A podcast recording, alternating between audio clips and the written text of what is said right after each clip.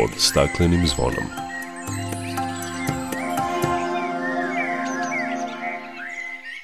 Dobar dan, dobrodošli na Zeleni talas prvog programa radija Radio Televizije Vojvodine, ja sam Dragana Ratković.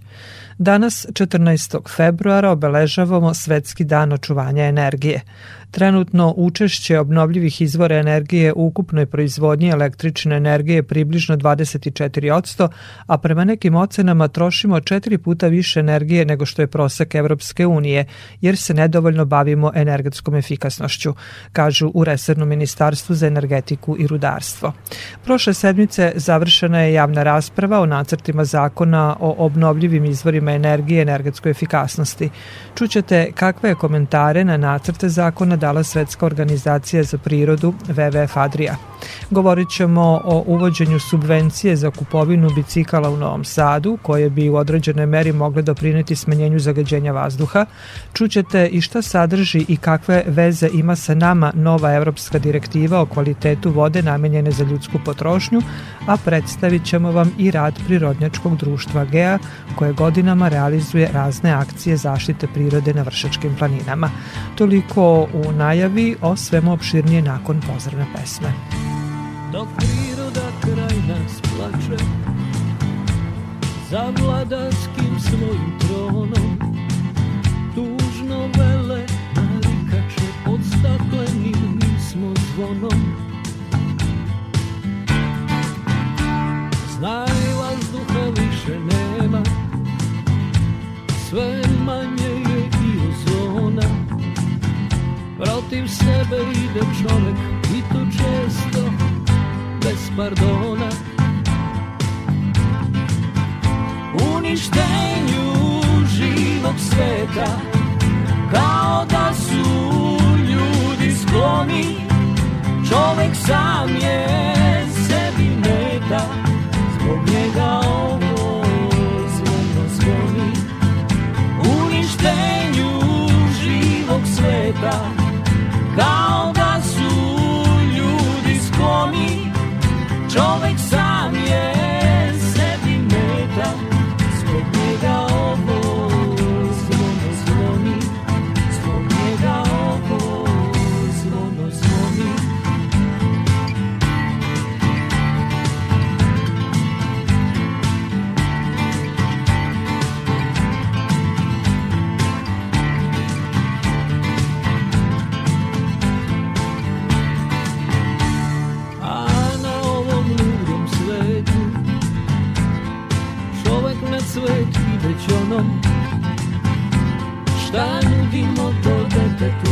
stakleni kad smo zvonom Uništenju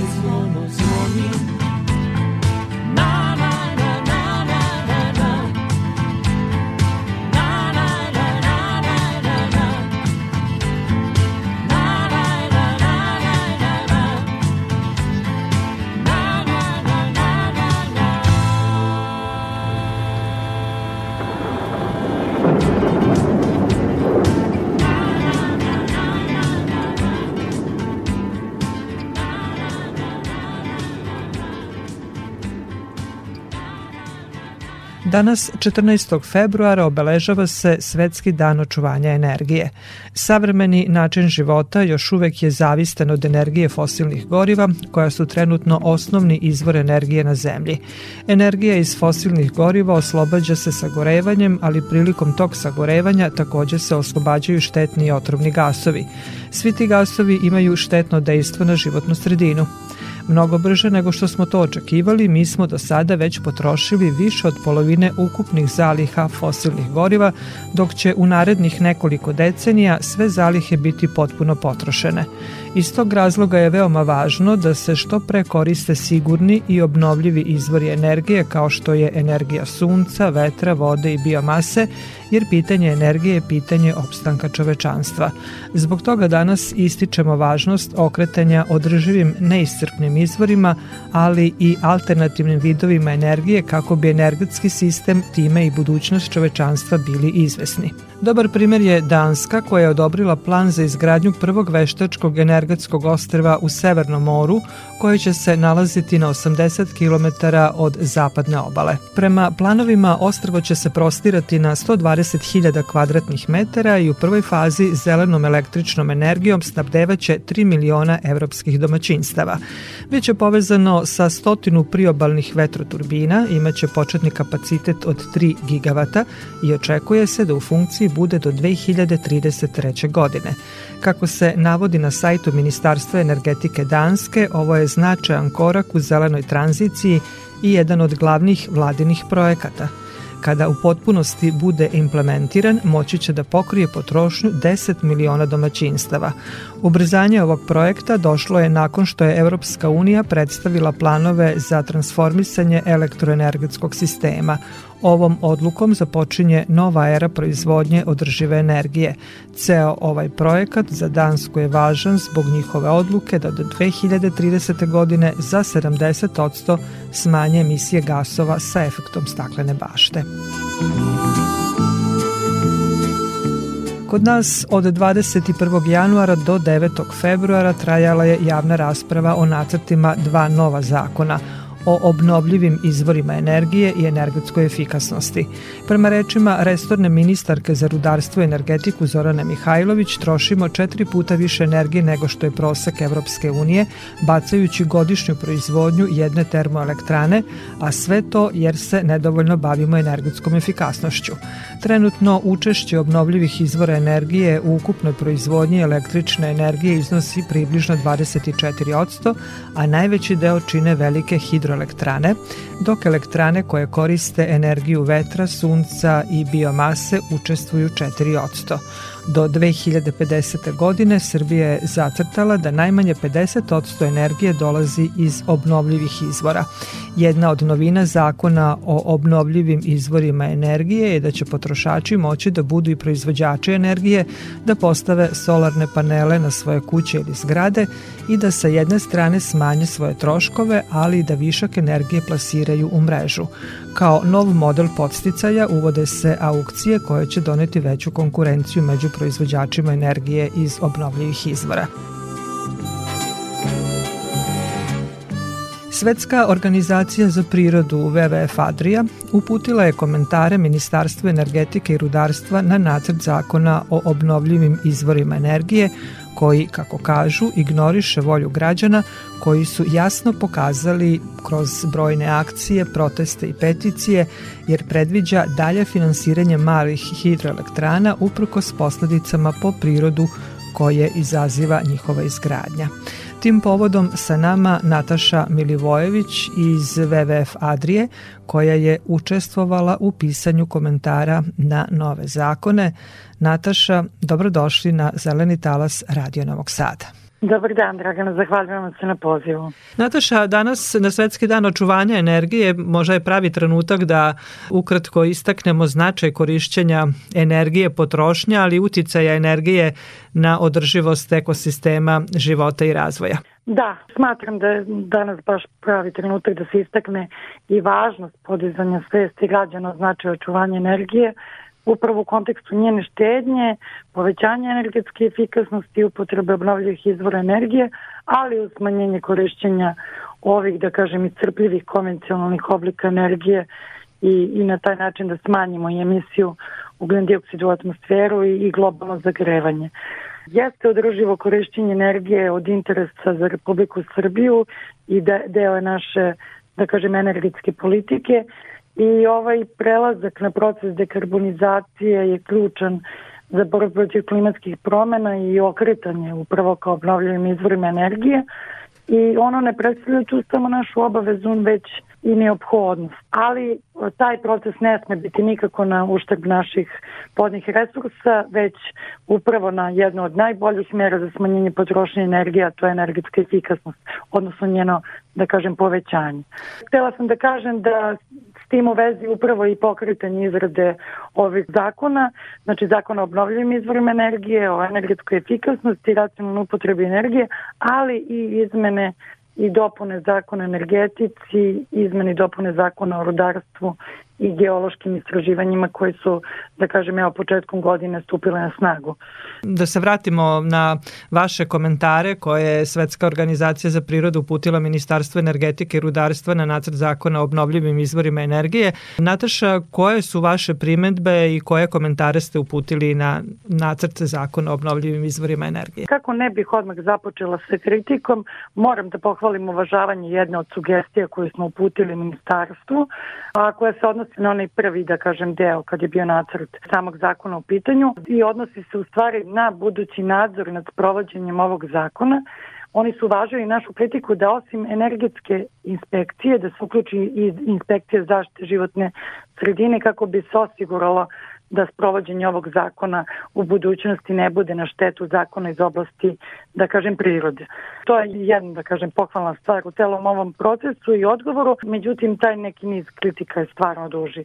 Kada je ovaj nacrt zakona u pitanju, moram da napomenem da je proces javnog uvida koji ste već napomenuli malo pro, da, od ovaj period koji je trajao, da je neadekvatno je sproveden, da je rok za dostavljanje tih komentara bio suviše kratak i na činjenicu tu da se na, na sajtu ministarstva nacrt zakona nije bio dostupan u stvari do od 9. februara, kao što je i, bio rok, za dostavljanje komentara, već je premešten tamo negde u arhivu, iako je još uvek taj, da kažem, period javnog uvida trajao, čime je otežana bila dostupnost samom dokumentu i kako bi zainteresovana javnost mogla da, da izvrši, da kažem, uvid i, i primetbe.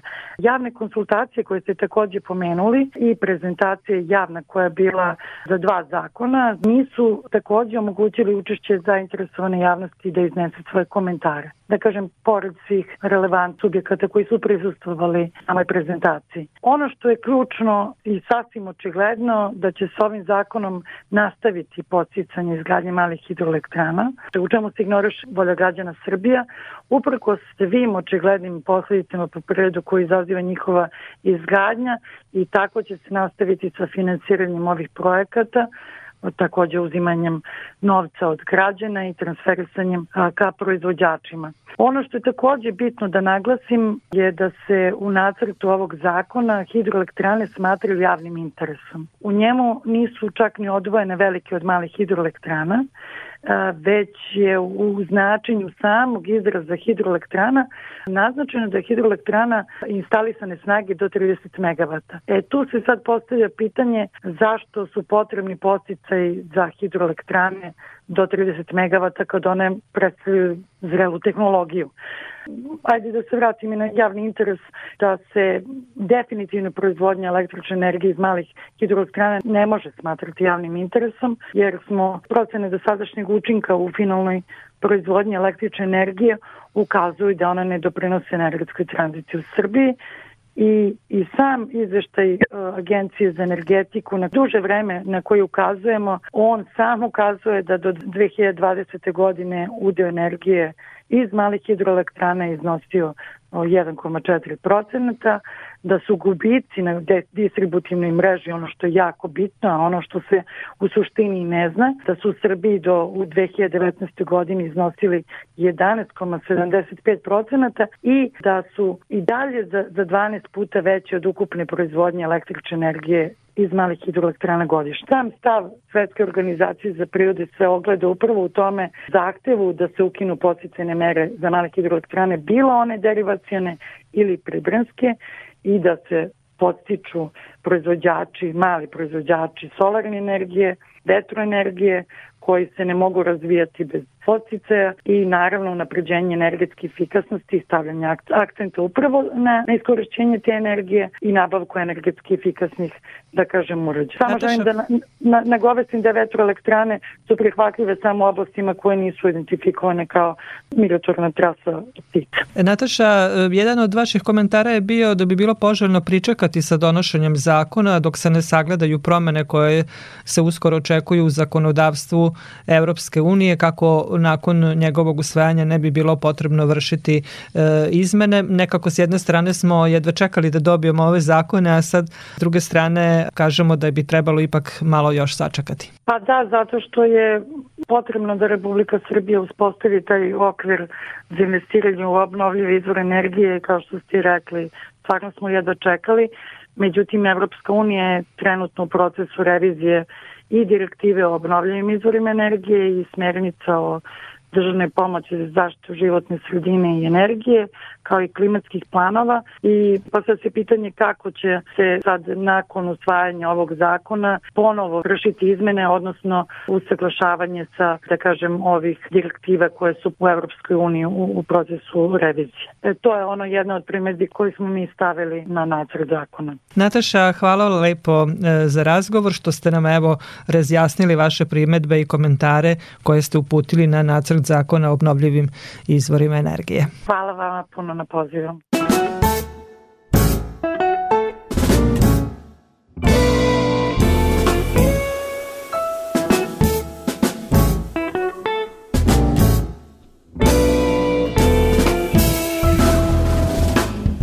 Alele, ovaj svet, ovde potok, ovde cvet, tamo njiva, ovde san, eno sunca, eno hlad Tamo Dunav zlata pun Onde trava, a ovde žbun. Slavu pesmom ljulja lug Ja ga slušam i moj drug. Ovaj svet, ovaj svet. Ala je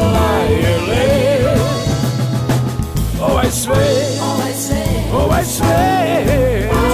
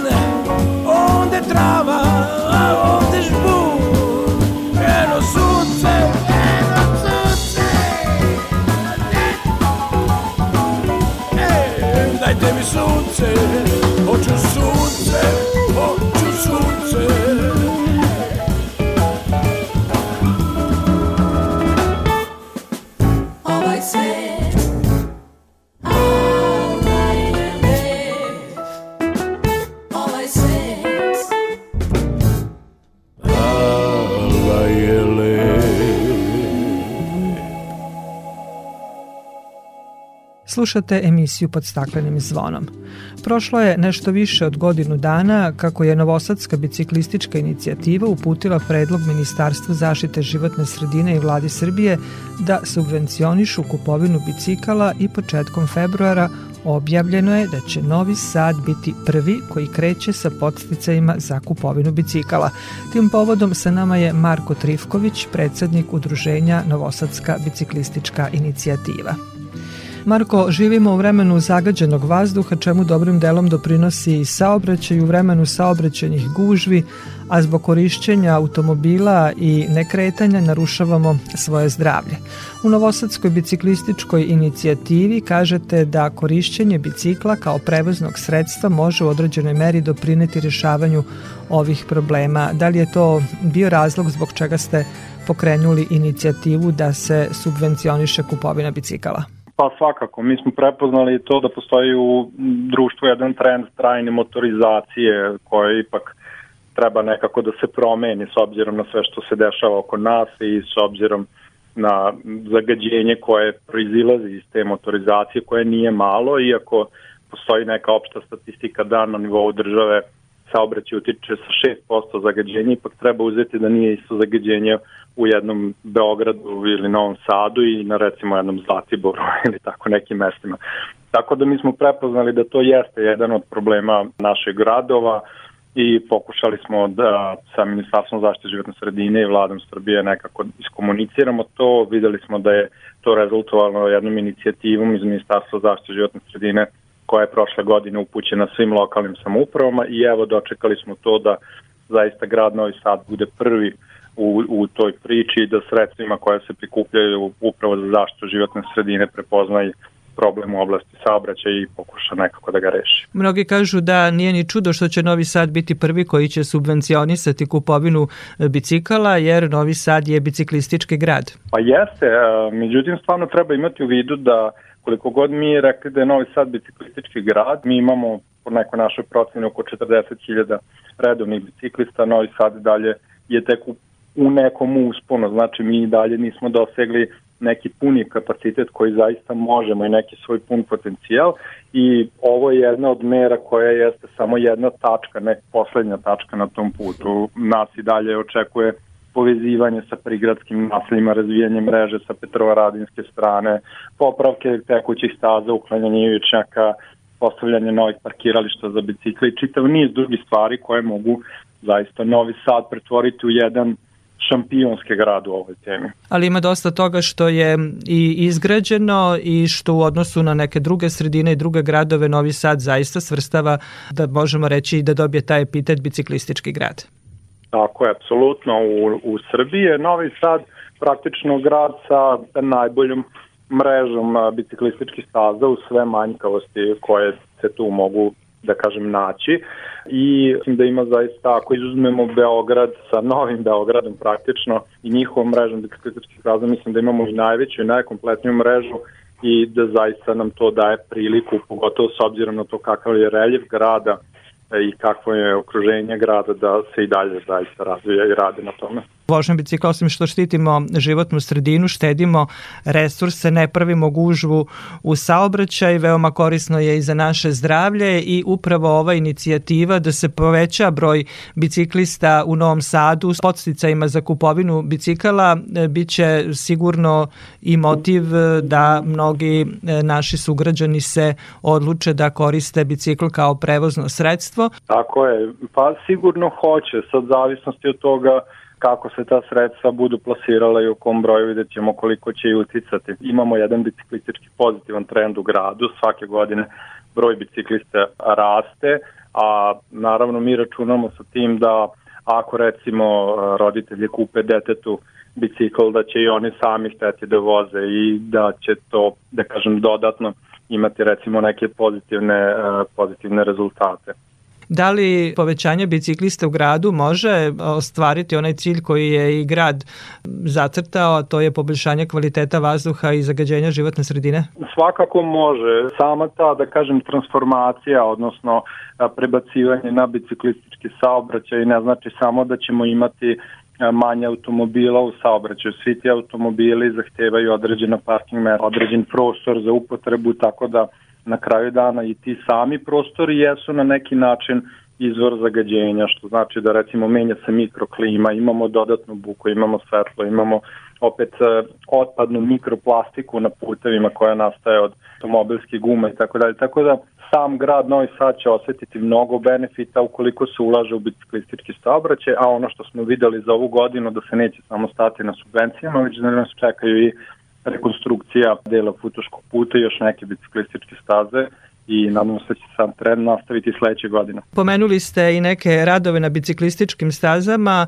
Mnoge zanima sigurno da li će i kada moći da prelaze preko mosta Slobode biciklisti. Da, to je odlično pitanje. Most Slobode je tema koja je da kažem za bicikliste bolna tačka već zaista godinama i nadamo se da će se rešiti uskoro na neki zaista smislen i ekonomičan način, jer drugi način zapravo i ne vidimo, da ćemo dobiti biciklističku stazu i proširenu tu pešačku stazu, makar sa jedne strane mosta, kako bi i Kamenički park i Sremska kamenica bili povezani bolje sa gradom Novim Sadom. Koji je to rok, zaista ne znamo, ali mi mislimo da zaista za neku realizaciju nije potrebno više od šest meseci, znači to je pitanje odluke, tehnička rešenja su sasvim moguća i mi, da kažem, i dalje čekamo na to. Recite, da li se znaju kriterijumi na osnovu kojih će biti dodeljivane ove subvencije za kupovinu bicikala? Još uvek ne, definitivno. Vidimo da grad razmišlja u više pravaca, da je više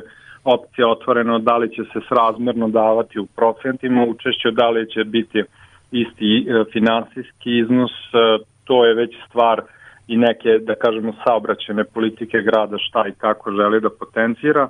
Mi se nadamo da će što više ljudi dobiti priliku i podršku da nabavi bicikl i da će ovaj program se nastaviti Marko, hvala vam lepo za razgovor, hvala vam na ovoj inicijativi koja je urodila rezultatima. Dakle, Novi Sad će biti prvi grad koji će krenuti sa podsticajima za kupovinu bicikala i nadamo se da će to povećati broj biciklista na ulicama Novog Sada, a time i poboljšati kvalitet vazduha i životne sredine. Hvala i vama. Miles I shells wash the shore on the chest of your ocean soul. So I can hear and feel you hurting, mama. Hej, stani. Sorry što prekidam happy meal, tjeme u plamenu nije drill. Vatra zemljom gudi, a tvoja pažnja bludi, a tvoja pažnja bludi. Što će mi predvodnik il guru, kad čuma priča slušam nju, jer znam da svaka promjena dolazi iz korijena, dolazi iz korijena.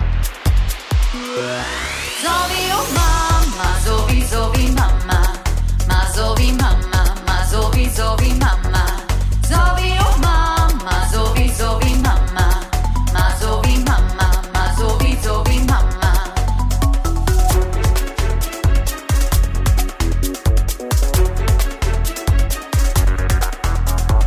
Ej, stani, kak o svojoj mami? Puna mi koluna, pod nogama rijeka una. Još odavna pamti vijeka, njen si sina, ja sam čerka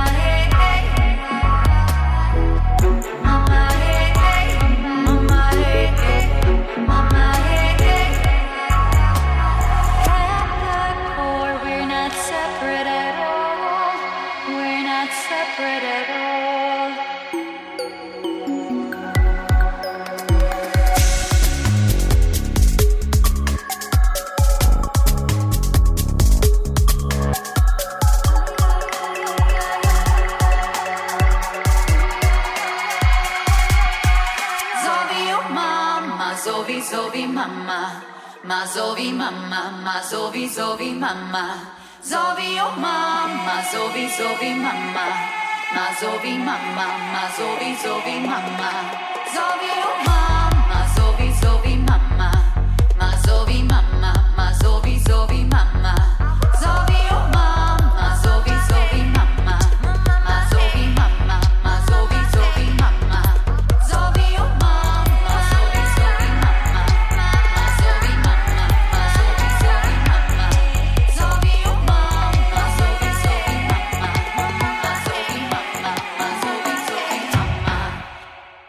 Slušate emisiju pod staklenim zvonom.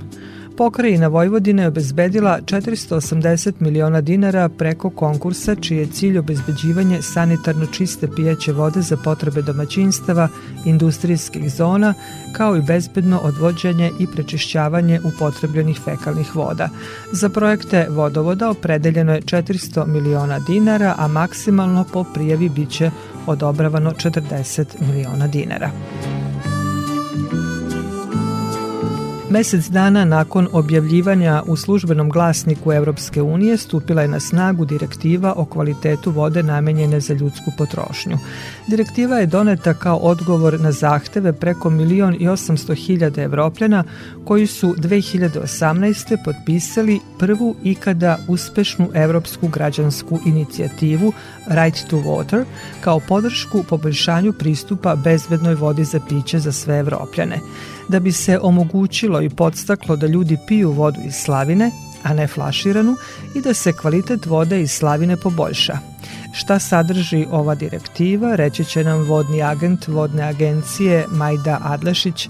Majda, dobar dan i dobrodošli na Zeleni talas Radio Novog Sada. Dobar dan, Dragana. Stupila je na snagu početkom januara direktiva Evropskog parlamenta i Evropskog saveta o kvalitetu vode namenjene za ljudsku potrošnju i ova direktiva odnosi se na građani države Evropske unije i mnogi se pitaju kakve ona ima veze sa nama. Kakve veze ima ova direktiva sa nama? Pa evo, ova direktiva, bez obzira što je ograničena e, samo na države Evropske unije, lako je zapamtiti njen broj 2020 kroz 2184 treba je potražiti na sajtu Evropske unije upravo pod tim nazivom lako se nađe za bilo koga ko ne poznaje bilo koji evropski jezik, hrvatski bar ume da pročita. Lako je pročitati i razumeti zašto je bitna, zato što ona ne samo da pokreće pitanja samog kvaliteta vode u smislu korišćenja hemikalija i visina parametara koji se moraju pratiti, već apeluje na neke baš ljudske i konkretne akcije koje svaka država, pa samim tim i svi njeni vodosnabdevači na koje moraju obratiti pažnju, a sve se odnosi na to da do krajnjeg korisnika, odnosno građanina, ta voda dođe što je moguće bolja. Iz ove direktive su isključene mineralne i lekovite vode, i odnosi se baš na vodu koja prolazi kroz vodovodne sisteme i dolazi do nas korisnika. Nekoliko godina se u stvari već usklađuje i kao što ste vi podsjetili, Evropska organizacija, odnosno svetska organizacija Right to Water je e, negde 2015. godine pokrenula kampanju da su voda i odvodnja ljudsko pravo i da je voda javno dobro, a ne roba. E, ovde bih podsjetila na činjenicu da je nažalost krajem prošle godine voda na njujorskoj berzi ipak postala roba. I da se sad, ovaj, da to sad još jedno novo pitanje otvoreno o ljudskim pravima na vodu, ali da se vratim na ovu direktivu, znači organizacija Right to Water je pokrenula tu akciju da se ova direktiva u odnosu na prethodnu malo revidira i da se uvedu neke promene, pogotovo na pristup vode direktnim korisnicima, marginalizovanim grupama i da se poradi više na tome da se podigne svest o gubicima vode usled nedostatka ulaganja i održavanja vodosistema i da se povećaju doze rizika, odnosno raspodele odgovornosti kada je rizik u odnosu na kvalitet vode u pitanju. Kakve su obaveze država e, članica Evropske unije da bi primenili sve odredbe ove direktive i da bi ljudi pili vodu iz slavina, ne flaširanu i kako da se poboljša kvalitet vode iz slavine? Ova direktiva dosta onako e, deklarativno i dosta onako pravnički neke stvari postavlja. Znači kao što sam rekla tu nema puno informacija o vrednostima određenih hemikalija i parametara, osim možda recimo što se apeluje na preispitivanje količine hroma koji se koristi u preradi vode, o, količini olova koje ostaje u vodi iz razno raznih razloga i apeluje se na primjer da se ta količina olova tokom narednih 15 godina smanji upol, odnosno sa 10 mikrograma po litru na 5 mikrograma po litru, da se neki od parametara za proveru kvaliteta vode potpuno isključen, nekih pet parametara, a da se tri ublaže, tu bi se reklo da to ne ide u pravcu poboljšanja kvaliteta vode, ali verovatno se radi i o hemikalijama koje su u stvari i agresivne za, za vodu i o kojima se isto vodilo računa. Ono što apeluje posebno ova direktiva je činjenica da ljudi moraju postati svesni posledica neracionalne potrošnje vode, to je ono što je nama, na primjer, u, u vodnom agentu jako bitno i interesantno. Da ne rasipamo vodu. Jeste, znači tu postoji čitavo jedno poglavlje u, u toj direktivi 36 gde se apeluje na potrošače, odnosno na vodosnabdevače, da se potrošačima omogući da na lako dostupan način iz samog računa ili putem neke pametne aplikacije imaju uvid u to koliko su vode potrošili na godišnjem nivou, koliko je prosečna potrošnja, znači koliko je to odstupanje prisutno, uporede sa potrošnjom drugih potrošača ili država i da na primjer se to što je veoma interesantno uporedi potrošnja i cena po litru i, i uporedi sa cenom litre vode u boci. To je nešto, na primjer, sa čim se mi sad prvi put srećemo, da je očigledno došlo do svesti da je primat flaširane vode postao dominantan, da je marketing i trgovina vodom postala toliko agresivna da mi zaista moramo početi da razmišljamo o toj racionalnoj potrošnji i tom poređenju zašto je bitno trošiti vodu jer nam je ona zaista potrebna najpre u te naše humane potrebe zdravlja i higijene. Onda se jako puno u direktivi apeluje na održavanje pažnje na ono što se tiče cilja šest ciljeva održivog razvoja, a to je ono što sam rekla poboljšanje pristupa vodi marginalizovanim grupama, ali i uopšte pristupa vodi gde se posebno naglašava da se moraju, ako ne postoji drugi način, gradovima, opštinama država dati podsticaji da na javnim prostorima, prostorijama, zgradama voda mora biti besplatna, eventualno uz neku nisku naknadu ako ne može drugačije u restoranima, kantinama i ugostiteljskim objektima. Ja iskreno ne znam da li kod nas naplaćuju vodu u kafićima i restoranima. Ja mislim da ne, da, ali znam da u Grčkoj da.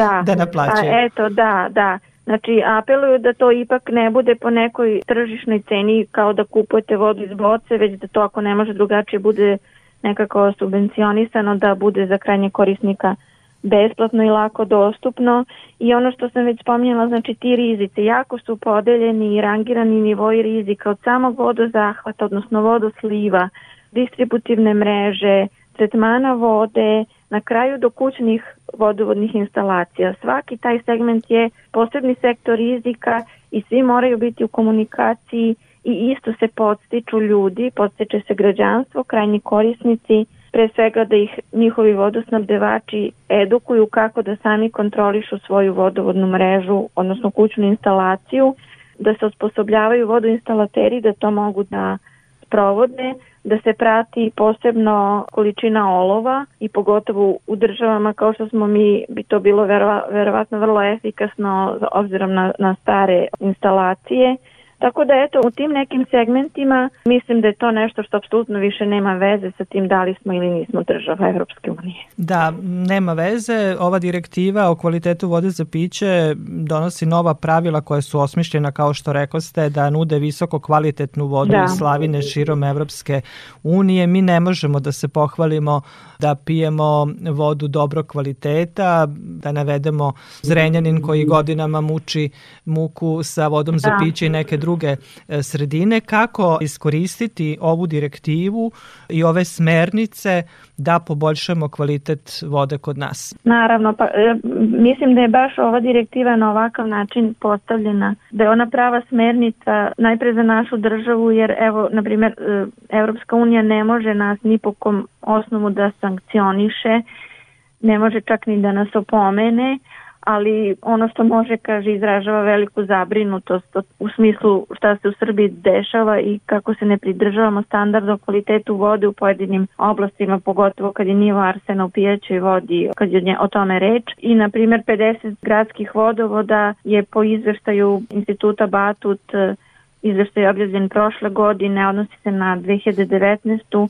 Od 50 gradskih vodovoda 11 je imalo mikrobiološke neispravne uzroke ja se bojam da je taj podatak u realnosti mnogo veći, jer malte ne nema opštine, pogotovo u Vojvodini, gde se ljudi svakodnevno ne, ne suočavaju ili sa vodom koja se dodirom osjeti da nije kvalitetna, ukusom, mirisom, bojom, kako god, znači primer Zrenjanina, Sombora, Vrbasa, Vršta, Nove Varoši je veoma poznat i nažalost još uvek nerešen i nekako na dugo izgleda i nerešiv. Mislim da je samo stvar u tome da i naši upravljači sistemima za vodosnabdevanje i njihovi nadređeni dobro pročitaju ovu direktivu i da je ovo zaista nešto što može da se sprovede i da se mi pripremimo ne za to da budemo uh, spremni kad uđemo u Europsku uniju da nam vode budu dobre, nego da ljudi konačno mogu da piju kvalitetnu vodu i da je ovaj ovo put da zaista i građane malo podstaknemo ne samo na ove druge aktivnosti i inicijative u kojima su veoma postali aktivni, već i na ovome što se direktno tiče njihovog zdravlja, a to je pitanje kvaliteta vode kakvu piju. Ovo je zaista prava smernica za nas. Put je sigurno dug, ali eto, imamo smer kojim putem treba da idemo, ne kao što reko ste zbog Evropske unije i zbog toga što će od nas to tražiti Evropska unija, nego pre svega zbog nas samih. Upravo tako, zbog nas samih, kao što je rekao Picasso, ko ima nameru, on nađe i put, ko nema nameru, on nađe izgovor. Prema tome da li ćemo se odlučiti da ovo uradimo ili ćemo se izgovarati raznoraznim stvarima, to je stvar, ja mislim, velike odgovornosti samih građana hoće li konačno reagovati malo intenzivnije, a ne prepuštati stvar samo slučajima borbe u Zrenjaninu i još par gradova. Majda, hvala vam lepo za razgovor. Hvala i vama.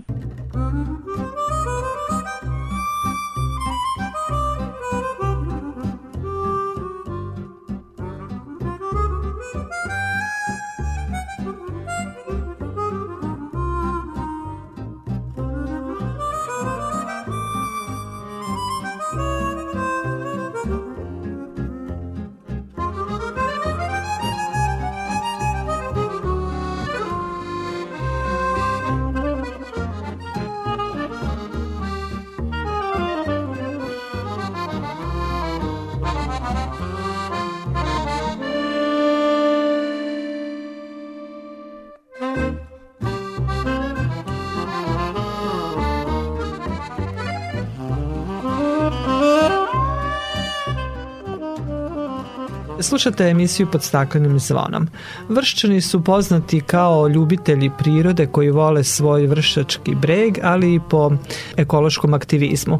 Prirodnjačko društvo GEA godinama realizuje razne akcije zaštite prirode na vršačkim planinama i one su doprinele u napređenju stanja zaštite prirode u ovom zaštićenom području. O aktivnostima udruženja GEA iz Vršca kao i o zaštiti prirode na Vršačkom bregu razgovaram sa Milivojem Vučanovićem koji je ranger, tačnije čuvar prirode na Vršačkim planinama. Milivoje, dobrodošli na Zeleni talas Radio Novog Sada. Hvala, bolje vas našao. Milivoje, vi ste čuvar prirode na Vršačkim planinama, ali i veliki aktivista prirodnjačkog društva GEA koje realizuje brojne aktivnosti na zaštiti prirode. To su male, jednostavne, ali efikasne akcije. Možete li nam reći šta ste sve do sada radili? Pa kada je zaštita prirode na, na Vršačkim planinama, a to je uključeno prirodnjačko društvo GEA, bile to zaista dosta raznih aktivnosti u zadnjih 20 godina. Nabrojao bih neke kao što je recimo pravljanje i postavljanje kućice za sove i uopšte ptice. To je možda bila jedna od prvih naših akcija još tamo 99. godine, 2000. Pa onda recimo radili smo čišćenje livadskih staništa da bi jednostavno omogućili nekim stepskim biljkama koje su zavisne od, to, od tog tipa staništa da mogu da rastu i da se naravno tu i neki drugi životinski vrste vrate jer nedostatkom pašarenja i uopšte biljojeda koji su nekad održavali takva staništa, invazivno rastinje to počinje da zarasta i jednostavno bitku za, za opstanak gube te neke malo osjetljivije vrste koje jednostavno u tom disbalansu ne mogu da se izbore. Pa smo onda radili reproduktivni centar za vodozemce, uočili smo da je sve manje tih vodenih e, malih staništa na, na vršačkim planinama, inače vršačke planine nisu e, bog zna kako bogate vodom. I onda smo odlučili da na nekim lokacijama gde su se neka staništa jednostavno nestala, a u prošli su bila da nekako to rekonstruišemo, da vratimo vodu na ta mala mesta i da ovim koji su takođe jako interesantni omogućimo ciklus reprodukcije. Eto, to su otprilike neke tri, naravno bilo je tu i raznih promocija prirode, vršačkih planina, edukacija građanstva i uopšte ljudi koji dolaze na breg, imali smo i po školama razne prezentacije i tako dalje, tako dalje, tako da je onako u poslednjih 20 godina Prirodničko društvo G imalo dosta tih aktivnosti i praktičnih, a i ovako edukativnih. Sve ove aktivnosti su volonterske, ali ipak za njihovu realizaciju potreban je i novac. Vi ste prošle godine zajedno sa fondacijom Riken pokrenuli kampanju pod nazivom Limenka za naš breg kako biste obezbedili finansijska sredstva za svoje aktivnosti na zaštiti prirode Vršačkog brega.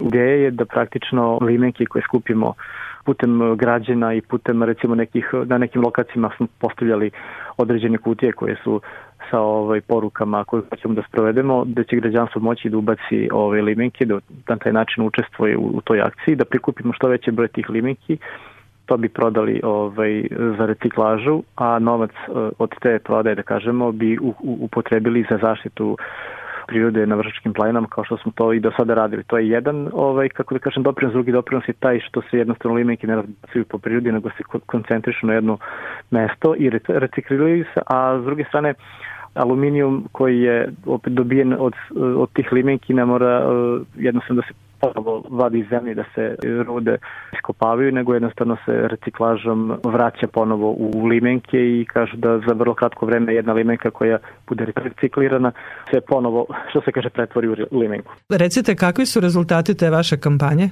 Pa s obzirom da je to nekako bilo aktuelno u, u periodu korone, tako da nismo bili baš u mogućnosti da imamo neke velike, da kažemo, prezentacije i promocije i da ove ljudi su nekako bili zatvoreni i kafići, i prodavnici, s ostala mesta koja su bila interesantna za prikupljanje limenki nisu bila tako aktivna i nisu bila posvećene ljudima. To nije bilo baš u samom početku puno, međutim sada su se ljudi nekako verovatno i informisali i videli i nekako smo malo i živnuli nakon ovih vakcinacija i tako dalje. Tako da u poslednjih, eto kažem, mesec dana značajno se ovaj, povećao broj limenki koje smo sakupili u tim uh, kutijama i nadam se uskoro da ćemo imati neki prvi kontingent koji ćemo moći da, da prodamo i da ovaj, taj novac konkretno potrebimo za, za zaštitu prirode s obzirom da dolazi proleće, to će nekako možda biti i pravo vreme. Da li imate već neku konkretnu aktivnost koju planirate? Planirali smo da obnovimo neke od starih uh, kućica za sol koje su postavljene pre nekog vremena koje su već počele polako da propadaju, onda smo imali ideju da još napravimo neke hranilice koje bi bile za ptice, za zimsku prihranu, to će verovatno biti tokom sledeće godine, polako ta zimska sezona ove jenjava, gde je da posetimo te neke centre za reprodukciju koje smo ranije radili, da vidimo da li će tu biti potrebno da, da se interveniše i tako to su eto, neke osnovne aktivnosti koje ako budemo uspeli da skupimo novac za ovo prvo vreme e, realizujemo, a kasnije ćemo naravno prilagođavati potrebama koje su na, na terenu. Kad pričamo o zaštiti prirode na Vršačkom bregu, spomenuli ste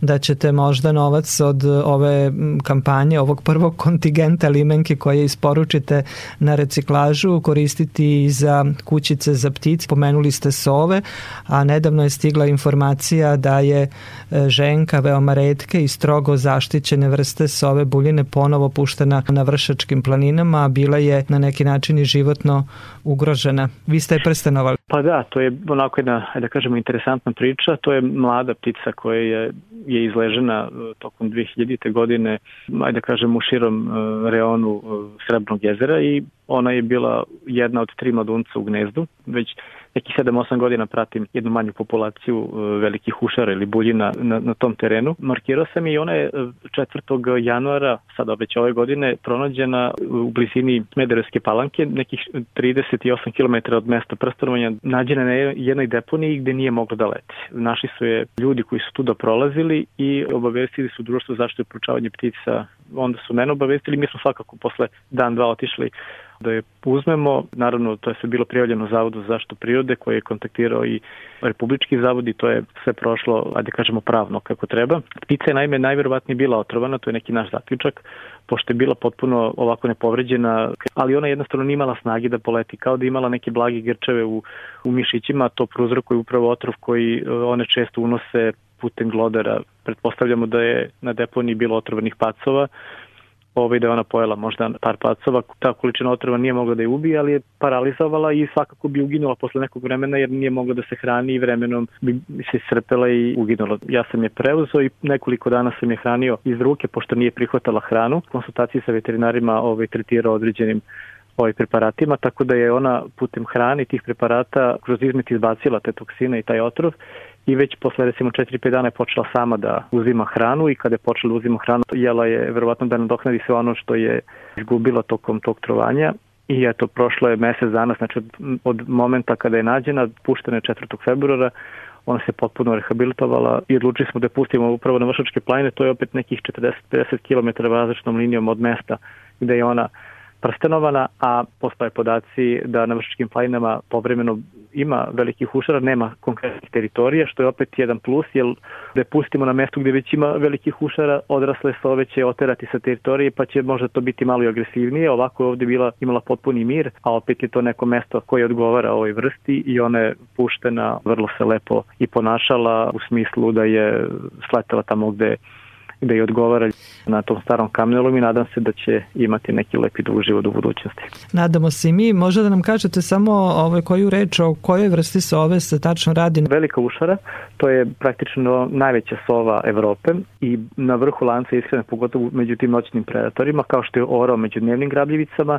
velika ušara je to isto među noćnim grabljivicama, njen plen često mogu da budu pacovi, ježevi, može čak da ulovi i domaću mačku ili recimo kunu ili lasicu, znači ima širok dijapazon plena i vrlo je redka zato što i u prošlosti bila proganjana kao štetočina, međutim naravno vremenom se shvatilo da je njena osnovna hrana pacovi ježa, ne neki drugi životinji koje povremeno lovi. I sad taj njen oporavak je prilično spor, zato što je to ptica koji, koji treba preko tri godine da polno sazri, da nađe određenu teritoriju i dovoljno plena da bi podigla potomstvo, a u potomstvu, odnosno u leglu nema veliki broj mladunaca, 1 do 3 i jednostavno taj oporavak, odnosno njihova reprodukcija nije tako brza i treba dosta vremena da se one vrate na nekadašnja staništa i na, na mesta gde su nekad obitavale. Nadamo se da će naći svoje mesto na Vršačkim planinama i tu i ostati, a nadamo se i da će kampanja koju ste pokrenuli pod nazivom Limenka za naš breg biti uspešna i da ćete uspeti da obezbedite finansijska sredstva za sve aktivnosti na zaštiti prirode hvala u svakom slučaju na lepim željama. Hvala lepo za razgovor. Hvala i vama, prijetno. Čuli ste kako je zbog trovanja stradala, ali se i oporavila velika ušara, ali uginuća ptica zbog trovanja kod nas su učestala. Prema stručnim procenama u Srbiji od nezakonitog ubijanja, trovanja i hvatanja godišnje strada od 120 do 170 hiljada divljih ptica. Ovaj problem imaju gotovo sve zemlje u regionu i njihove lokalne organizacije intenzivno se bore protiv toga. U poslednjih 20 godina širom naše zemlje zabeleženo je 320 slučajeva trovanja divljih ptica, a u svega nekoliko počinioci su pronađeni i kažnjeni, kažu u Društvu za zaštitu i proučavanje ptica Srbije, koje neprestanim radom pokušava da zaštiti ptice u našoj zemlji. Lociranje ptice koja je otrovana može da bude ključno za njeno spasavanje kao i sprečavanje trovanja drugih životinja. U okviru projekta Balkan Detox Life prvi beloglavi sup dobio je GPS uređaj sa vrlo važnom svrhom da pomogne u otkrivanju i sprečavanju ilegalnih slučajeva trovanja divljih životinja na Balkanu. Planovi projektnog tima su da se obeleži nekoliko beloglavih supova u klisuri Kresne, jer mnoge ptice iz Hrvatske, Srbije i Republike Severne Makedonije upravo ovu klisuru koriste kao mesto gde provode zimu.